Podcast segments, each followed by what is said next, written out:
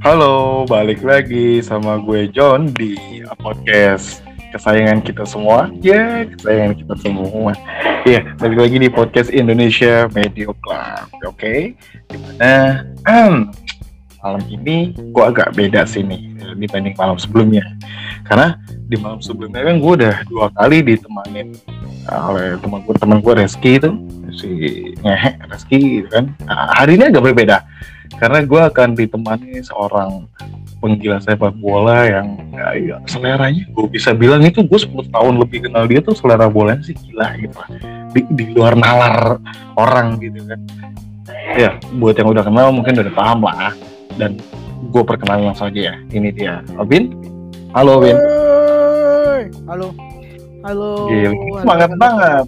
Lo semangat banget menyambut apa Bin menyambut ceritanya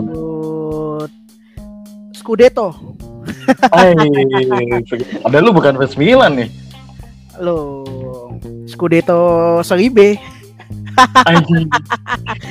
menyambut ya, menyambut ini menyambut kehadiran klub-klub.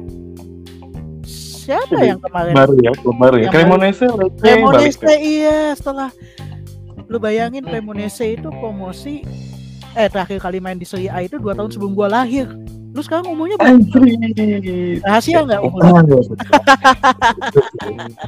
kalau dari kalau dari kalau gue sih mau nyebutnya ya gue masih belia lah Gen Z lah. Cuma kayaknya kalau orang-orang yang tahu kayak nggak terima gitu kan. Oke, okay. Obin, sebelum kita masuk ke topik malam ini, kita mau bahas dulu beberapa hal yang terjadi di sepak bola kemarin ini. Lu tahu Chelsea kan? Mereka sedang dalam proses penjualan tim ya kan. Nah, kemarin uh, ternyata saga penjualan Chelsea ini belum berakhir. Bahkan ada beberapa followers yang kaget, oh ternyata belum selesai men gitu. Ya memang memang belum selesai kecuali karena gini, uh, memang belum lama Rain Group sebagai uh, kuasa jual klub itu sudah menunjuk uh, pengusaha Todd Boehly, Todd Boehly, sorry kalau gue ada penyebut salah penyebutannya, konsorsium konsorsiumnya Todd itu menang. Mereka ber, uh, berhak untuk mengakuisisi Chelsea setelah berita itu muncul, kemudian tiba-tiba minggu lalu ada berita yang menyebut bahwa Roman Abramovich tiba-tiba menolak skema penjualan dari pemerintah Inggris, di mana uh, Abramovich ini kekeh untuk pokoknya duitnya masuk ke yayasan gue. Sorry, ke yayasan Chelsea yang dia bentuk sebenarnya sih pada dasarnya dengan tujuan awalnya kan katanya uh, uang labanya itu akan disumbangkan ke korban perang Ukraina gitu.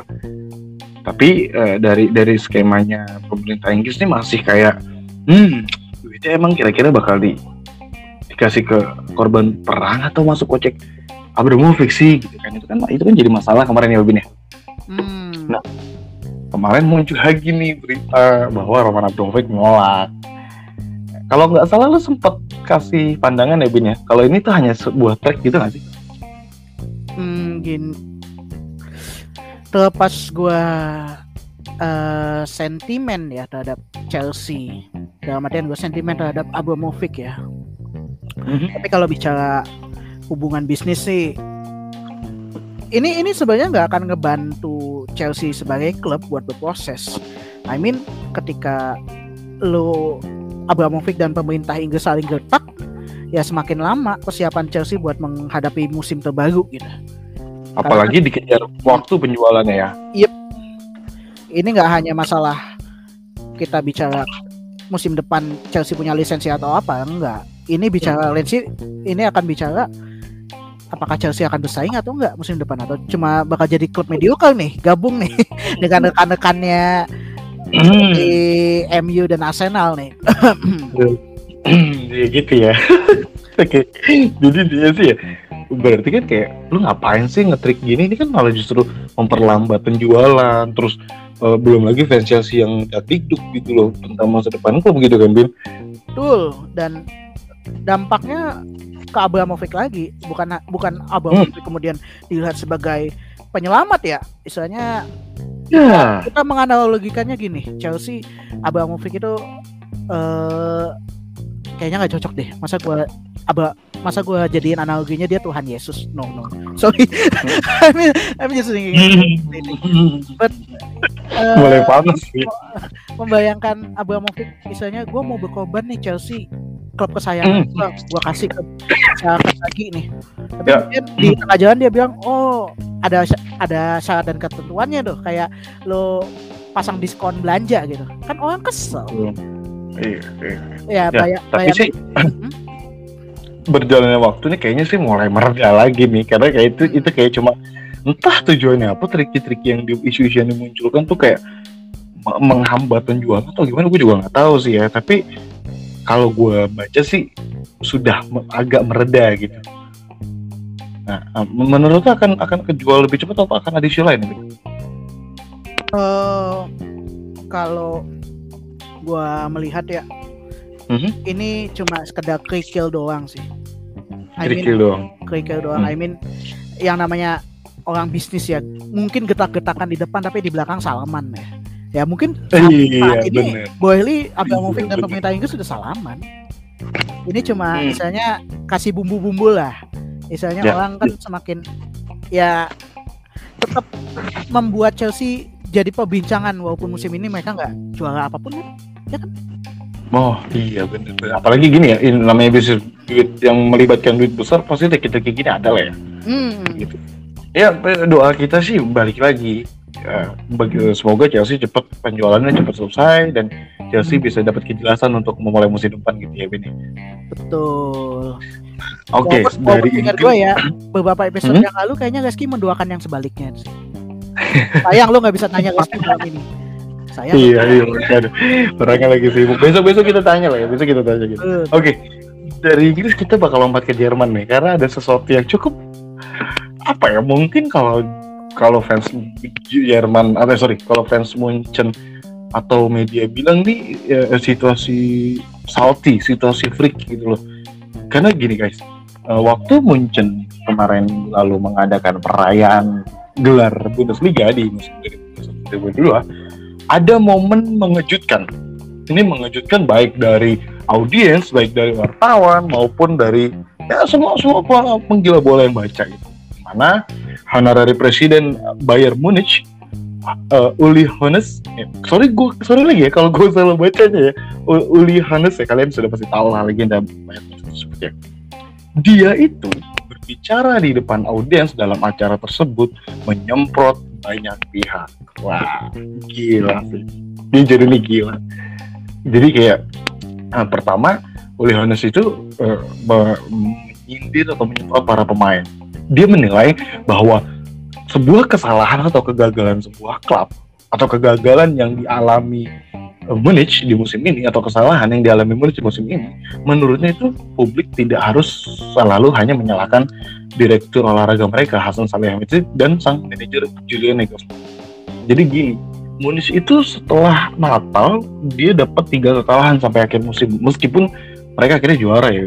Tapi Uli ini nggak seneng nih dengan publik yang uh, seakan-akan itu semua kesalahan dari Hasan Hasan, Hasan Salihamidzic susah banget ngomongnya Hasan Salihamidzic dengan Julian Nagelsmann gitu kan. Itu itu di mana dia sih ngomong? Itu tuh harusnya tuh uh, pemain juga berkaca bahwa mereka tuh juga salah. Wah gila satu.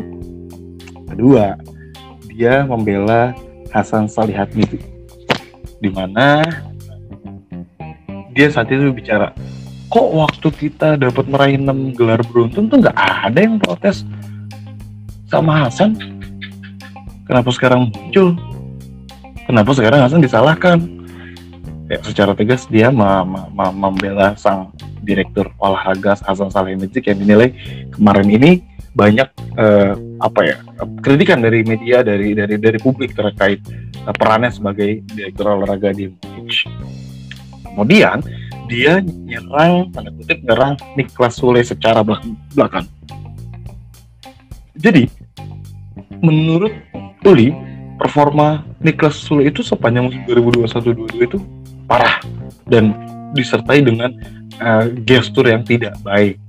Jadi latar belakang Uli mengatakan itu adalah uh, Niklas Sule ini nggak main waktu lawan Wolfsburg di spell akhir dan Niklas Sule tidak hadir di acara tersebut.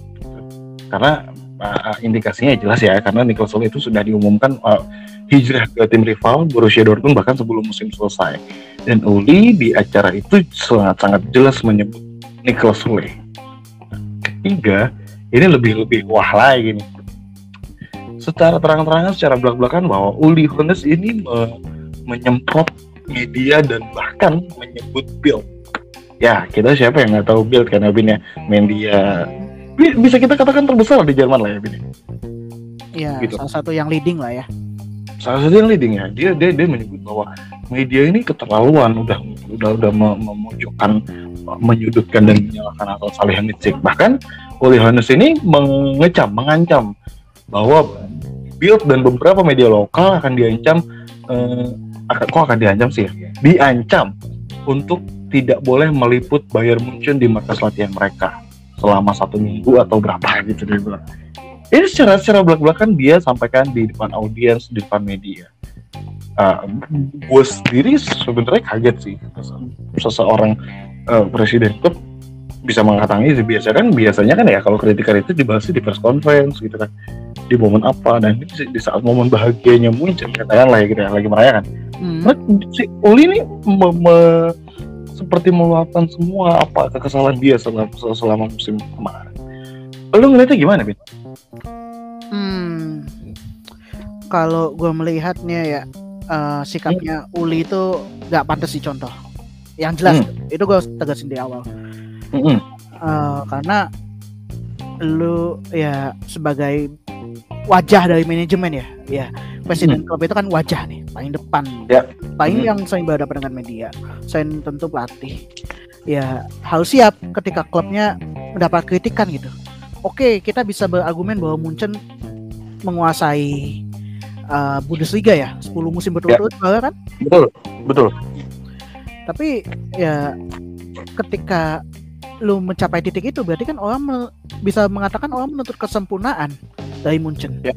Dan ketika hmm. Munchen mulai terpleset seperti di tengah-tengah musim yang lalu, ya lagi-lagi yang namanya media, yang lagi nama-namanya perhatian masyarakat, orang kan akan melihat hal yang berbeda yang terjadi dari Munchen untuk jadi bahan berita dan nah. Uli harusnya bisa bersikap lebih arif lah ketika itu terjadi ya ya dikata itu ya fenomena lewat aja karena kita tahu bahwa ketika Munchen balik perform lagi jadi monster jadi yang ditakuti ya ya orang nggak akan bicarain keburukannya muncul.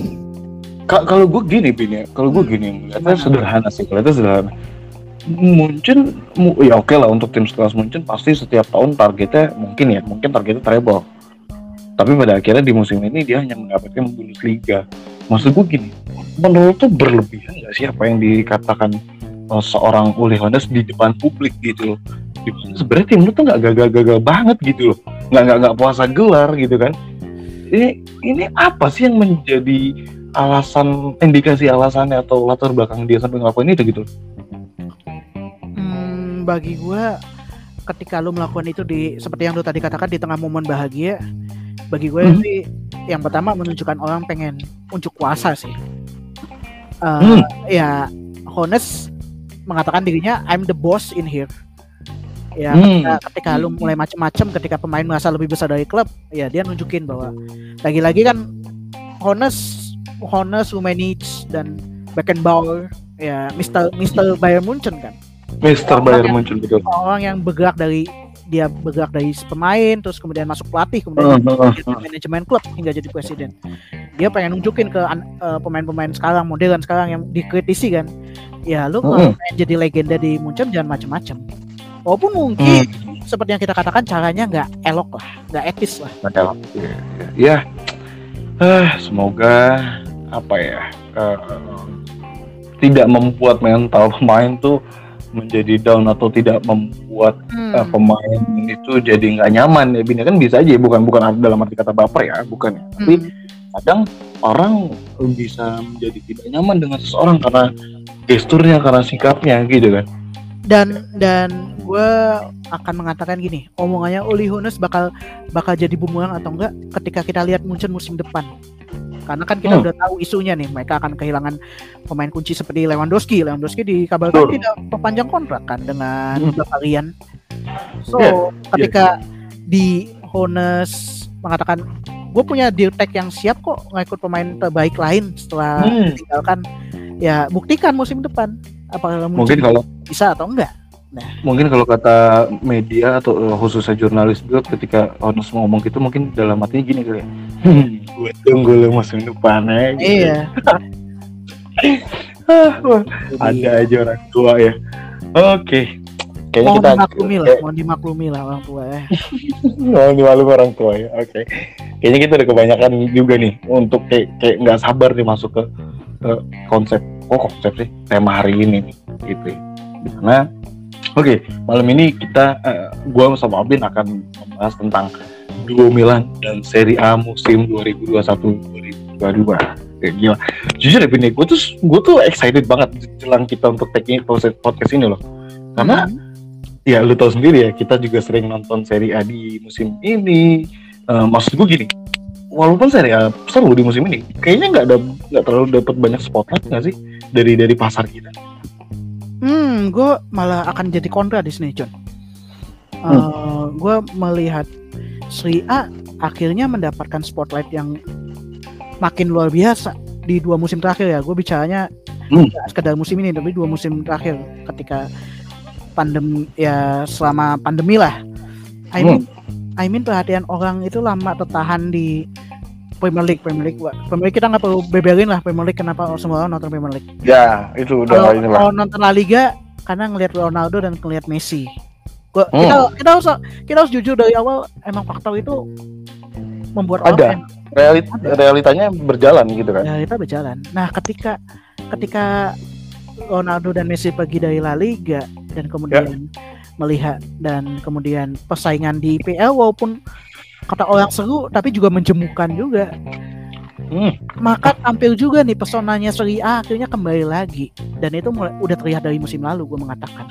Jadi ja, Oke. gue nggak kaget ketika musim ini orang menyorot Serie A. Hmm.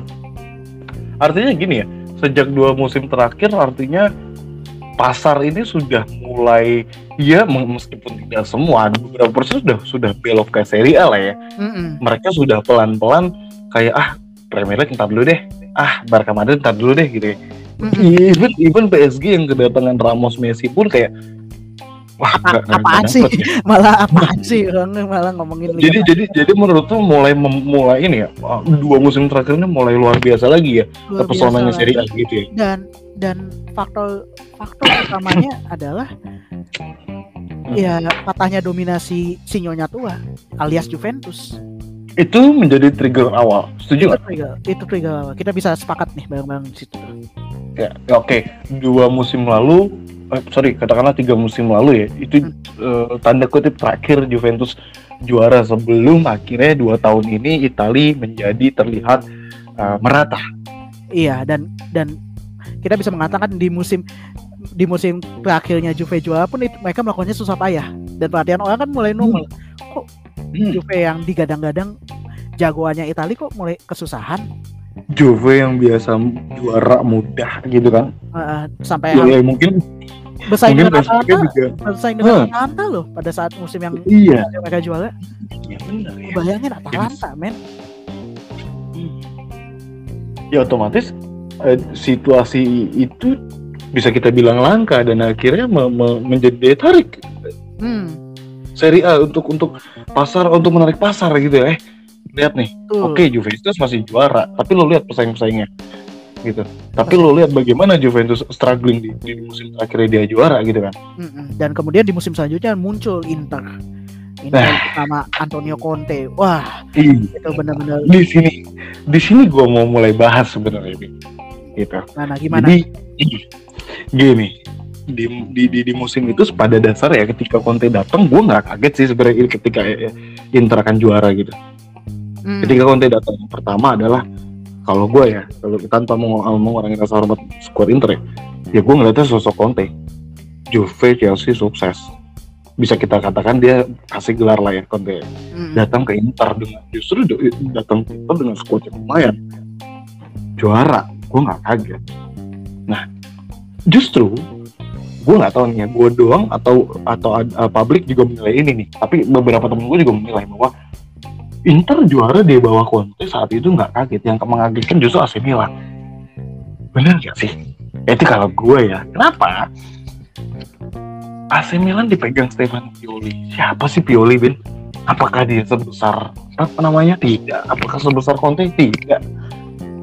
Pioli pegang Milan dengan Milan sekuatnya ya soal itu saya siapa sih yang berkarakter tinggi yang punya karakter kuat setelah kepergian orang-orang seperti uh, apa Thiago Silva, Maldini, era-era itu lah ya. Oke okay lah ada Ibrahimovic, tapi dia seorang diri gitu. Nah ini sih buat gue kayak wah gila sih. Kayak gue gue yakin nih fans Milan yang dengerin nih, mereka juga kayaknya sepaham nih bahwa di musim lalu saling terjuara, mereka sama sekali tidak kecewa dengan AC Milan selama musim ini. Menurut lu gimana? Hmm, kita bicara dari Pioli dulu ya. I mean, ya, semua semua orang melihat Pioli itu sebagai stop gap solution, sementara doang. Hmm.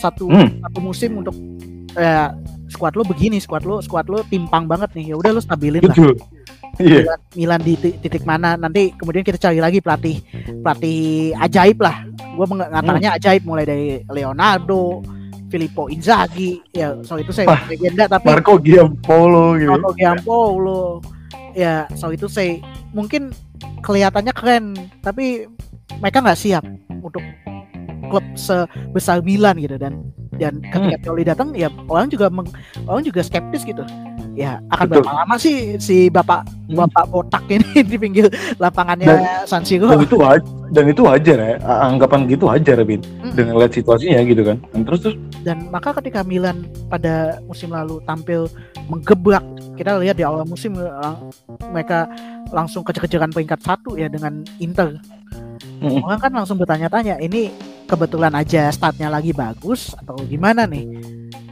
Dan dan sampai saat ini ya misalnya Pioli membuktikan ya gue bukan hanya one season wonder kok. Gue bukan hanya kebetulan aja di musim lalu bisa. Tapi ke, tapi gue hmm. udah tahu nih ramuannya untuk Milan nih. Gue pelan pelan ngebangun squad yang compang camping ini makin rata makin seimbang ininya. Hmm. tapi gue nggak tahu ya kalau kalau bicara squad kayaknya dari awal musim 2021-22 gue, masih ngelihatnya Milan belum belum punya squad yang mantap sih buat gue kayak ke kedalaman squadnya juga masih ya sosok aja gitu loh dan dan itu terbukti ketika kita ngelihat hasil Champions League sih. Oh ah. iya gue setuju gue setuju. Itu tuh uh, apa ya anggapannya tuh di situ Milan buku masih dibilang wajar karena kedalaman squad mereka yang ya tadi gue bilang sosok aja gitu loh Bin. Jadi kayak mereka ketika terdepak dari Champions League 2021 2022 ya udah biasa aja. Gitu nggak sih Iya biasa aja. Semua orang tidak ekspektasi apa apa dengan Milan di musim ini. Hmm. di musim ini hmm. ya untuk Eropa ya. Nah, tapi tapi melanjutkan apa yang lo katakan skuad biasa aja menurut gue adalah ya ya men yang dibutuhin Milan sebenarnya sosok-sosok berpengalaman sosok-sosok pemimpin gitu. Betul. Ibrahimovic sekarang nggak sendirian. Ada Giro ada sosok-sosok yang kemudian makin dewasa kayak uh, Kalab Calabria kah atau siapa ya Oke, okay, Calabria. Hmm. Calabria kita bisa ambil contoh Calabria. Terus kedatangan pemain pinjaman dari AS Roma yang punya pengalaman, Alessandro Florenzi. Hmm, betul. Oke, okay, itu, itu... Kita, kita udah nyebut sosok-sosok yang malang melintang di Serie A. Terus kedatangan sosok palang pintu baru bernama Mike Mike Nong yang ya orang dia dat orang dia dibebani dibebani dengan kaget dibebani dengan apa ya dengan apa dengan kualitas. Lu bisa nyamain Donnarumma nggak? Dia dia membuktikan dia lebih dari Donnarumma musim ini. Iya betul betul. Dan dan lu uh, satu catatan nih malam dapat dari admin lain bahwa uh, sejauh Giornata ke berapa ini? 37 37 ya, ya 37 pemain uh, Mike Nan ini jadi kiper dengan clean sheet terbanyak ya. Wah itu itu luar biasa ini. Dia datang dari Liga Prancis di mana ya memang oke okay lah dia berjuara ya saat, saat dia datang ya. Mm -hmm. Tapi jelas berbeda dong situasinya di klub lama dengan di AC Milan apalagi AC Milan sedang saat dia datang itu sedang rencana membangun mimpi sejauh apa sih uh, mereka bisa melangkah di musim depan gitu apalagi dengan kiper baru gitu kan dan dan lo lihat sendiri bahwa ya Mike Nan gue bukan menghadirkan lini belakang Milan tapi musim ini kita ngeliat sendiri bagaimana ba, uh, apa bongkar pasangnya back tengah Milan yang dari Iya. Kalulu ke Hmm. Kejair yang kemudian cedera datang lagi Tomori datang lagi Calabria kadang dipasang di situ yang bikin deg-degan dan Hmm. pemain-pemain lain yang kita waduh ha- tiap kali nonton Milan kan sensasinya bobol duluan atau enggak ini sebelum Iya. kita nyetak gol kan dan eh, apa ya gue sih bukannya ngecalin Inter atau apa ya bicara Inter dia pindah ke Simone nggak jelek-jelek banget lah dari Conte Hmm. perbedaannya gitu sih buat gue ya karena kenapa kenapa Milan terkesan di- lebih mendapat sorotan dibanding Inter ya karena Inter sebelumnya sudah masuk dari juara sama Conte perpindahan dari Conte ke Simone juga nggak jelek-jelek banget buktinya jelas dia masih menjadi kontender juara nah Milan nih. Milan yang dari yang menurut gue ya udah dua musim terakhir ini skuadnya masih punya PR sih. Menurut gue loh ya. Hmm. tapi dengan dengan racikan Pioli wah mereka bisa growth yang tadinya mengejutkan sebagai contender atau ya, ya bahkan bi- kan bisa dibilang eh, peringkat berapa sih musim ya musim lalu? Kalau nggak salah emang contender sih ya. Cuma kan dengan selesai dengan dua situasi musim lalu. Hmm. dengan situasi squad seperti itu dan Pioli itu bahkan peringkat dua aja fansnya sendiri nggak menyangka. Bahkan sampai musim ini pun yang semalam Hmm. beberapa hari lalu kita podcast itu banyak fans yang bilang bilang memang eh, juara tuh bukan malah belum jadi target musim ini. Iya. Tapi ternyata Milan sampai eh, sorry sampai ke pekan pekan ke 37 berada di puncak klasemen meskipun meskipun di musim ini mereka sempat jatuh dan dia kalau gua nggak salah nggak stabil nggak sih bin? Maksud gue di puncak tuh nggak lama nggak sih? Baru kembali lagi naik ketika Inter kalah lawan Bologna dan ya, dan jatuh bangunnya tuh lebih lebih berasa oh kan di iya mereka ini. tidak konsisten di atas. Nggak konsisten di kita, kita, atas kita, gitu kita kan. tahu sendiri penyakitnya Milan kalah dengan dramatis ataupun kita mengatakannya kalah konyol lawan. Contohnya Spezia men Hmm. kalah lawan Spezia di kandang sela. Itu gua itu mungkin Hmm. kalian kalau menggali di twitternya Medio pas gua live tweet bener-bener gua itu uh, cluster emosi yang gua paling capek lah nonton Milan. Itu itu salah satu pertandingan yang paling capek. Bukan artinya bukan artinya lo fans Milan ya ini tolong Iya. ya teman-teman ya bukan. Ini ini kita benar-benar bicara sebagai pihak netral lo ya media lo ya. Oke I mean ketika oke Spezia menang itu menyenangkan ngelihatnya. Oh tim ini. Tapi cara kalahnya Milan itu yang kadang-kadang bikin iya. itu harus ya iya benar karena karena karena pun waktu di pertandingan itu ya yang lebih punya tanda kutip kepentingan Milan ya sih Bin Hmm. karena kan kalau Spezia masih terbilang sosol ya aman di tengah ya gitu. Karena yang punya kepentingan ini lebih ke Milan dan kalah. Itu kayak menjadi kenapa bisa? Tapi sisi kita seneng Spezia menang ya. Mm-mm. Oke. Nah, masuklah ke Giornata akhir di musim ini. Ya, kalau gua perhatiin ya Bin ya, gue sempat ngomong ke, ke, ke di Twitter nih ke, ke, ke para followers kita nih, bahwa gue bilang gini, 10 50 10 sampai 5 sorry 5 sampai 10 pertandingan terakhir as baik dari AC Milan dan Milan itu akan menjadi final da- eh, buat mereka. Dan beberapa kali gue nonton pertandingannya Milan dan Inter itu bener Bin. itu vibes-nya seperti mereka sedang memainkan laga final. Padahal secara logika tuh masih jauh. Katakanlah lima, lima, lima pertandingan lah. Lima pertandingan dengan perbedaan satu dua poin kan mereka bisa bisa apa ya maksudnya bisa masih jauh menjaga asa gitu. Dan dan terbukti Inter dan Milan harus mengakhiri musim untuk menentukan sang juara di pekan terakhir musim 2021-2022 dan ah, kalau gua lihat ya Bin ya Mm. Lima pertandingan sisa itu jadi jadi jadi se- eh, eh, eh, momen kontroversi nih. Karena gini eh, sebelum berapa berarti jatuhnya? Nih? pekan berapa nih kalau lima pertandingan lima terakhir nih? Pekan. Kok gue bingung ya? Oh intinya gini deh. Waktu Inter lawan Bolog kena kalah itu Milan susah payah ngalahin Lazio. Betul. Dan dari situ Milan naik akhirnya mulai dari itu itu setiap pertandingan AC Milan dan Inter semuanya lo lo nonton gak sih yang gue nonton highlight gue harus bilang dari ide dari awal kenapa ada Hmm, iya maksud gue adalah oh dramanya luar biasa. Vibes-nya pertandingan Inter dan Milan mulai dari sisa lima giornata terakhir itu luar biasa. Gila. Gila. Gue yakin kalau kalau kalau penonton normal atau baik fans Milan dan Inter tuh semuanya deg-degan saat nonton pertandingan Inter Milan dan AC Milan siapa pun lawannya itu gitu. Itu gila banget. Gitu. Nah, apa ya, ya, ya yang, yang, yang mungkin mau dipertanyakan adalah uh, menurut lo apa sih uh, eh, PR dari Inter kenapa kenapa mereka akhirnya kayak bisa kepleset dan sampai sampai gimana terakhir Milan yang di atas lo ngeliat ada masalah nggak sih di Inter? Hmm, Oke, okay.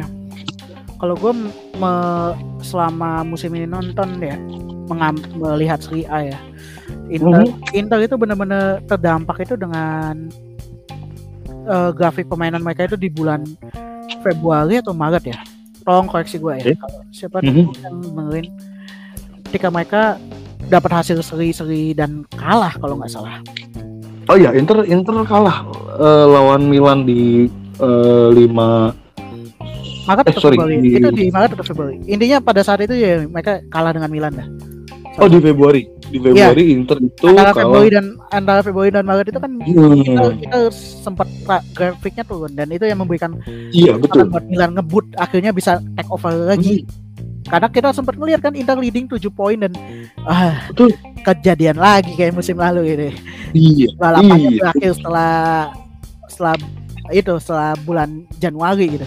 Eh ternyata ya, ya. itu ini, ini gue mau gue mau ngasih tahu lagi nih Bin. Apa tuh? uh, di Februari betul Inter itu kalau lawan Milan 2-1 imbang menghadapi Napoli satu sama imbang menghadapi Genoa 0-0 dan masuk ke bulan Maret mereka juga mendapatkan dua hasil seri saat menghadapi Torino dan Fiorentina. Ini bener lu bilang itu momentum Milan bak kebalik ya?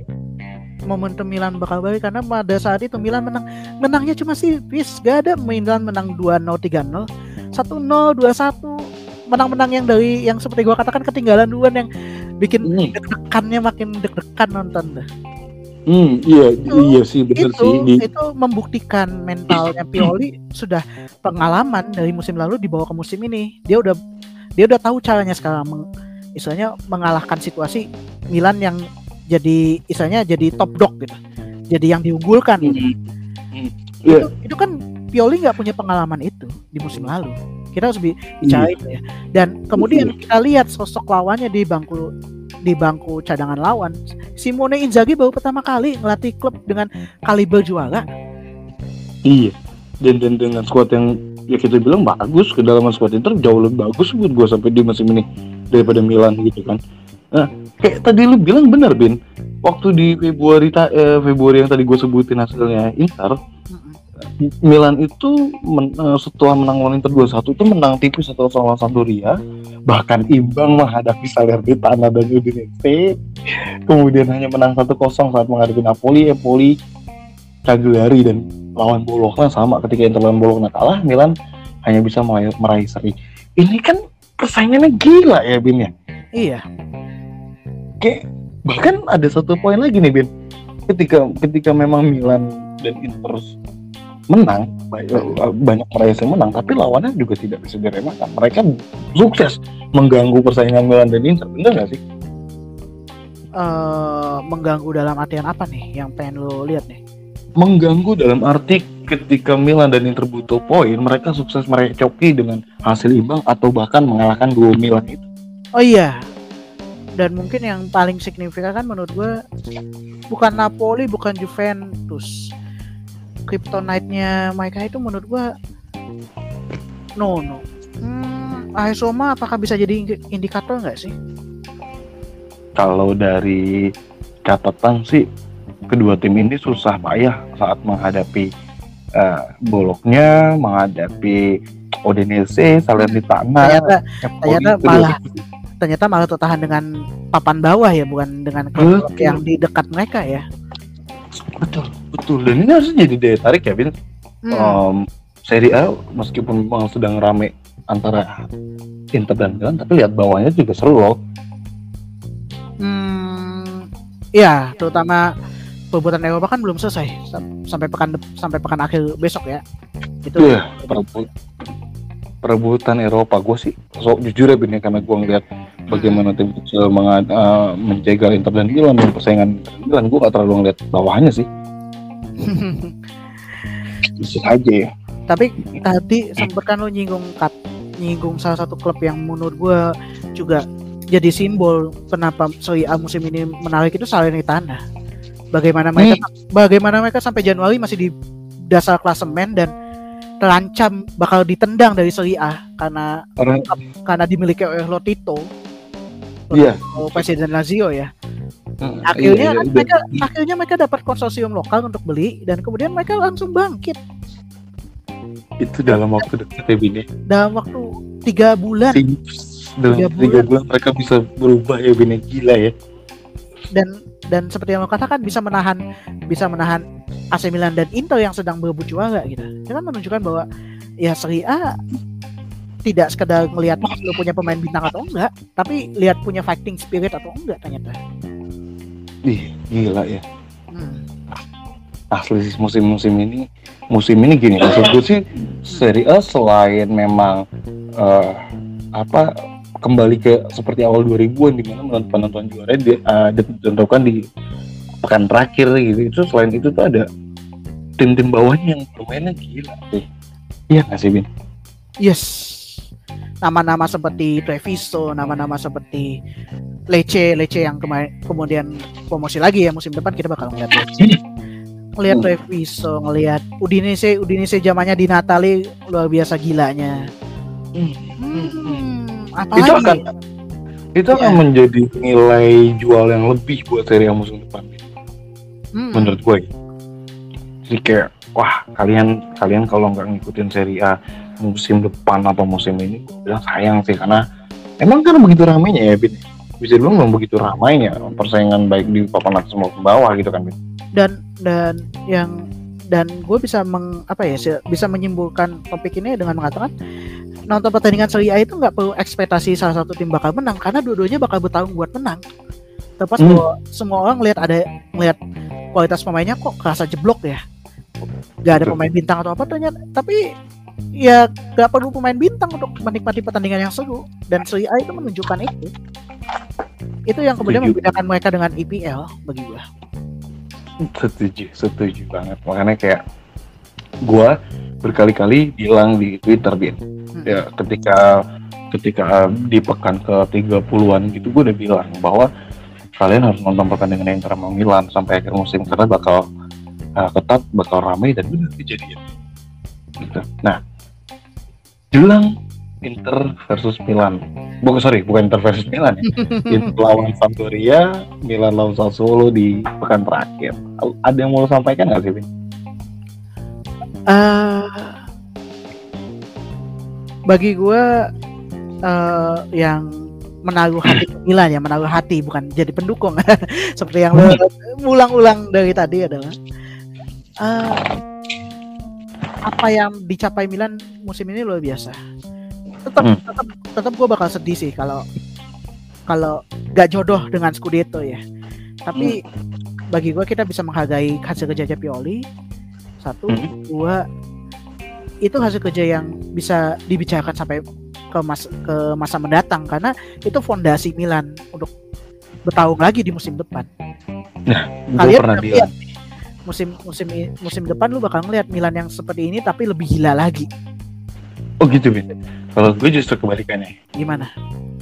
gue pernah bilang sama Reski kalau Milan sampai gagal Scudetto di musim ini mereka di musim depan tidak akan semudah musim ini untuk mencapai Kapolista. Hmm, Nggak tahu ya ini ini ini ini cuma ya lu anggapan uh, pendapat dari awam aja lah karena gini eh effortnya Milan sudah luar biasa dari musim lalu sampai sekarang. hmm, Mereka sedang menemukan uh, apa namanya pola permainan yang mereka tahu itu akan berhasil meskipun dengan pemain-pemain yang ya tanda kutip pala kadarnya gitu. Tapi kan satu sisi juga Juventus juga sedang down. Kita bisa katakan itu dong. Oke. Makanya gue bilang musim ini adalah musim terbaik, kesempatan terbaik untuk Milan meraih Scudetto karena gue menilainya musim depan jalannya akan lebih berat lagi buat gue. Iya. yang rasa gitu. bagi gue musim depan sih fokusnya Milan gak lagi di Scudetto ya pas musim ini ya mereka jual atau enggak ya Hmm. bagi gue waktunya menatap Eropa lagi benar-benar iya. me- apa ya musim depan gue tidak malah tidak akan kecewa kalau Milan nggak bersaing dengan ini. Tapi gue pengen lihat Milan benar-benar menunjukkan sesuatu di Liga Champions. Benar-benar apa ya mengatakan Berma- mengkopi bermain. mengopi omongan orang di lini masa DNA Eropanya Milan hadir lagi. Hmm, iya. ketika ketika ketika malam malam Rabu dan malam Kamis kita lihat San Siro yang wah luar biasa itu benar-benar jadi tempat magis. Lu bayangin bayangin zaman-zaman Shevchenko kakak masih main ya. Terakhir gue nonton Milan yang benar-benar luar biasa di Champions itu pas ketemu MU di semifinal kalau nggak salah. Iya iya. momen luar biasa gue sebagai itu tertanam di pikiran gue gue salah, salah satu momen bola yang selalu gue ingat itu. Melihat Milan main luar biasa di San Siro. Sa- saat saat itu Milan di kandang MU kalah 3-2 atau seri 2 gue lupa. Di kandang di San Siro ketika main di San Siro leg kedua MU dihabiskan 3-0 Iya. Dan itu kejadiannya di tengah hujan. Gue inget banget lo cari dah fotonya. Kalian yang Iya. dengar cari itu foto momen highlightnya. tapi justru go, justru momen golnya dapat si kakak waktu dia nerima bola asis dari Dida kemudian dia me- menghancurkan tiga back MU tuh kemudian membobol gawang Edwin van der Sar. Hmm. itu habis tuh Eh, meskipun kalah tapi golnya justru ada di Old Trafford oke Dan- Dan menurut gue selain mereka ya gue pengen ya Inter sudah melakukannya musim ini lah. Terlepas mereka Hmm. di tangannya Liverpool ya. Oh iya? Itu menunjukkan ya gue gue tidak mengatakan gue sentimental terhadap Juve tapi gue nggak ngerasa apa ya nggak ngerasa main Eropanya Juve itu seru gitu buat ditonton. Tapi kalau ngeliat Hmm. Inter atau AC Milan main di Eropa itu kayak seneng aja. vibesnya beda ya Vibes-nya beda. seneng aja ya Heeh. Hmm, tapi apalagi gue di mus dua musim terakhir ngeliat Inter eh, lini belakang eh sorry koordinasi lini tengahnya gila banget ya? Asli. Gila makanya gue nggak yang kayak kaget. Hmm. Iya. gue nggak kaget kalau buat mereka menang lagi juara lagi gitu loh. Tapi buat gue adalah ya ini harusnya sih momennya buat Milan sih gitu. Bukan mau bela. Milan teman-teman kita kita semua kita semua berdua berharap itu. Kita semua. Itu kita berharap gitu bukan bukan bukan artinya tidak mau mati Inter atau apa tidak. Tapi ini musimnya buat Milan sih Inter Inter Jadi udah. Inter udah super Copa sama Copa lah udah cukup lah ya kasih lah kota Milan menguasai nggak sih Milan mewakili Italia di ngawinkan lah dua, Eropa dua klub Milan juara loh jangan Iya. klub Milan saja gitu Iya, ya intinya gue seneng dengan keren banget di dua musim ini. Mereka gila. Mereka kembali menunjukkan era five vibes 10 12 tahun yang lalu bagaimana mereka punya taring masing-masing di Serie A. Ya sempat hilang ya dalam dalam 10 tahun karena Milannya yang goyah sebenarnya lebih banyak Milan yang goyah daripada Internya gitu. Kayak gitu sih. Ya pesan terakhir lo ada nggak untuk untuk sebelum kick off di Giornata terakhir eh atau harapan mungkin? harapan gue Milan 1-0 Sassuolo Milan Sassuolo 0 Milan 1 Inter bebas hasilnya berapa? Yang penting di Milan nih. Yang penting Milannya ya eh, kalau gue sih pesan terakhir gue cuma kayak eh Itali bangun lagi guys. Itali Oh, iya. bangun lagi. Lo bisa nonton papan atas papan tengah dan papan bawah dengan kepentingan masing-masing dan dengan kekuatan masing-masing. Hmm. gue menjamin musim depan overall Serie A bakal seru lagi. Gue menjamin itu dan kalian harus coba gue sama Obin sudah mencobanya sekarang giliran kalian ya, penutupnya Ya, penutupnya mantap ya penutupnya mantap ya aja lu. Iya. Oke lah, udah 40 menit lebih nih kayaknya kita ngobrol kelamaan nih bener kalau kalau terlalu banyak. Hmm. Dan teman-teman juga selain lewat podcast kita akan bakal sering nggak sering sih ya kan seminggu sekali oke lah untuk live space ya gini. Kayak kemarin Yoi. kita ngobrol asik sama fans Milan. Enggak ini mereka menyenangkan loh dengan Iya. dengan followers itu menyenangkan loh karena bagi Hmm. kita orang-orang yang follow media club itu orang-orang yang pengen belajar orang-orang yang punya Setuju. pendapatnya sendiri yang Setuju. mengungkapinnya sendiri Bener banget ya. Jadi Nggak- juga teman-teman sekedar, nggak sekedar membeo pundit-pundit yang kadang-kadang cuma nyari sensasi ya kalau gue mengatakan ya banyak banyak Mm. Teman-teman juga bisa oh ya ingetin ya teman-teman bisa ikut nulis ya untuk dibaca Oh, iya. teman-teman yang lain di website kita ya. Kalau kalau nggak bisa ngomong nulis monggo langsung kirim ke email kita ya. Dan jangan lupa di biomedia ada link ada link website, ada link uh, WhatsApp Ada link- dan Ada apa lagi tuh? Saweria. Saweria tuh apa tuh John? Saweria, iya mungkin teman-teman mau apa namanya support kita melalui dananya entah berapa aja lah ya melalui link Saweria di situ kita nanti bisa grow up di media pengelolaan website atau ya kalau lebihnya ngopi-ngopi oke lah ya Bin ya sambil sambil Ngopi-ngopi. kita Duitnya balik lagi, ngopi duitnya balik lagi ke followers jadi duit kuis. iya jadi dikit ntar ya dari followers ke followers gitu ya Bin ya. Iya itu dia. Ya, kayaknya segitu dulu sih Bin kita mau cek berita-berita lagi nih. Kita mau konten lagi dan lain-lain. Dan ya terus support media untuk bisa memberikan info eh, pelajaran ilmu yang sama-sama kita just belajar ya. Betul. terkait segmen sepak bola. Yep. dari gue John so, gitu aja. Dan Obin Thank you. kita pamit undur diri. Entah podcast selanjutnya masih sama Obin atau sama si Reski kita kita pikirin nanti Siap. bye bye teman-teman selamat malam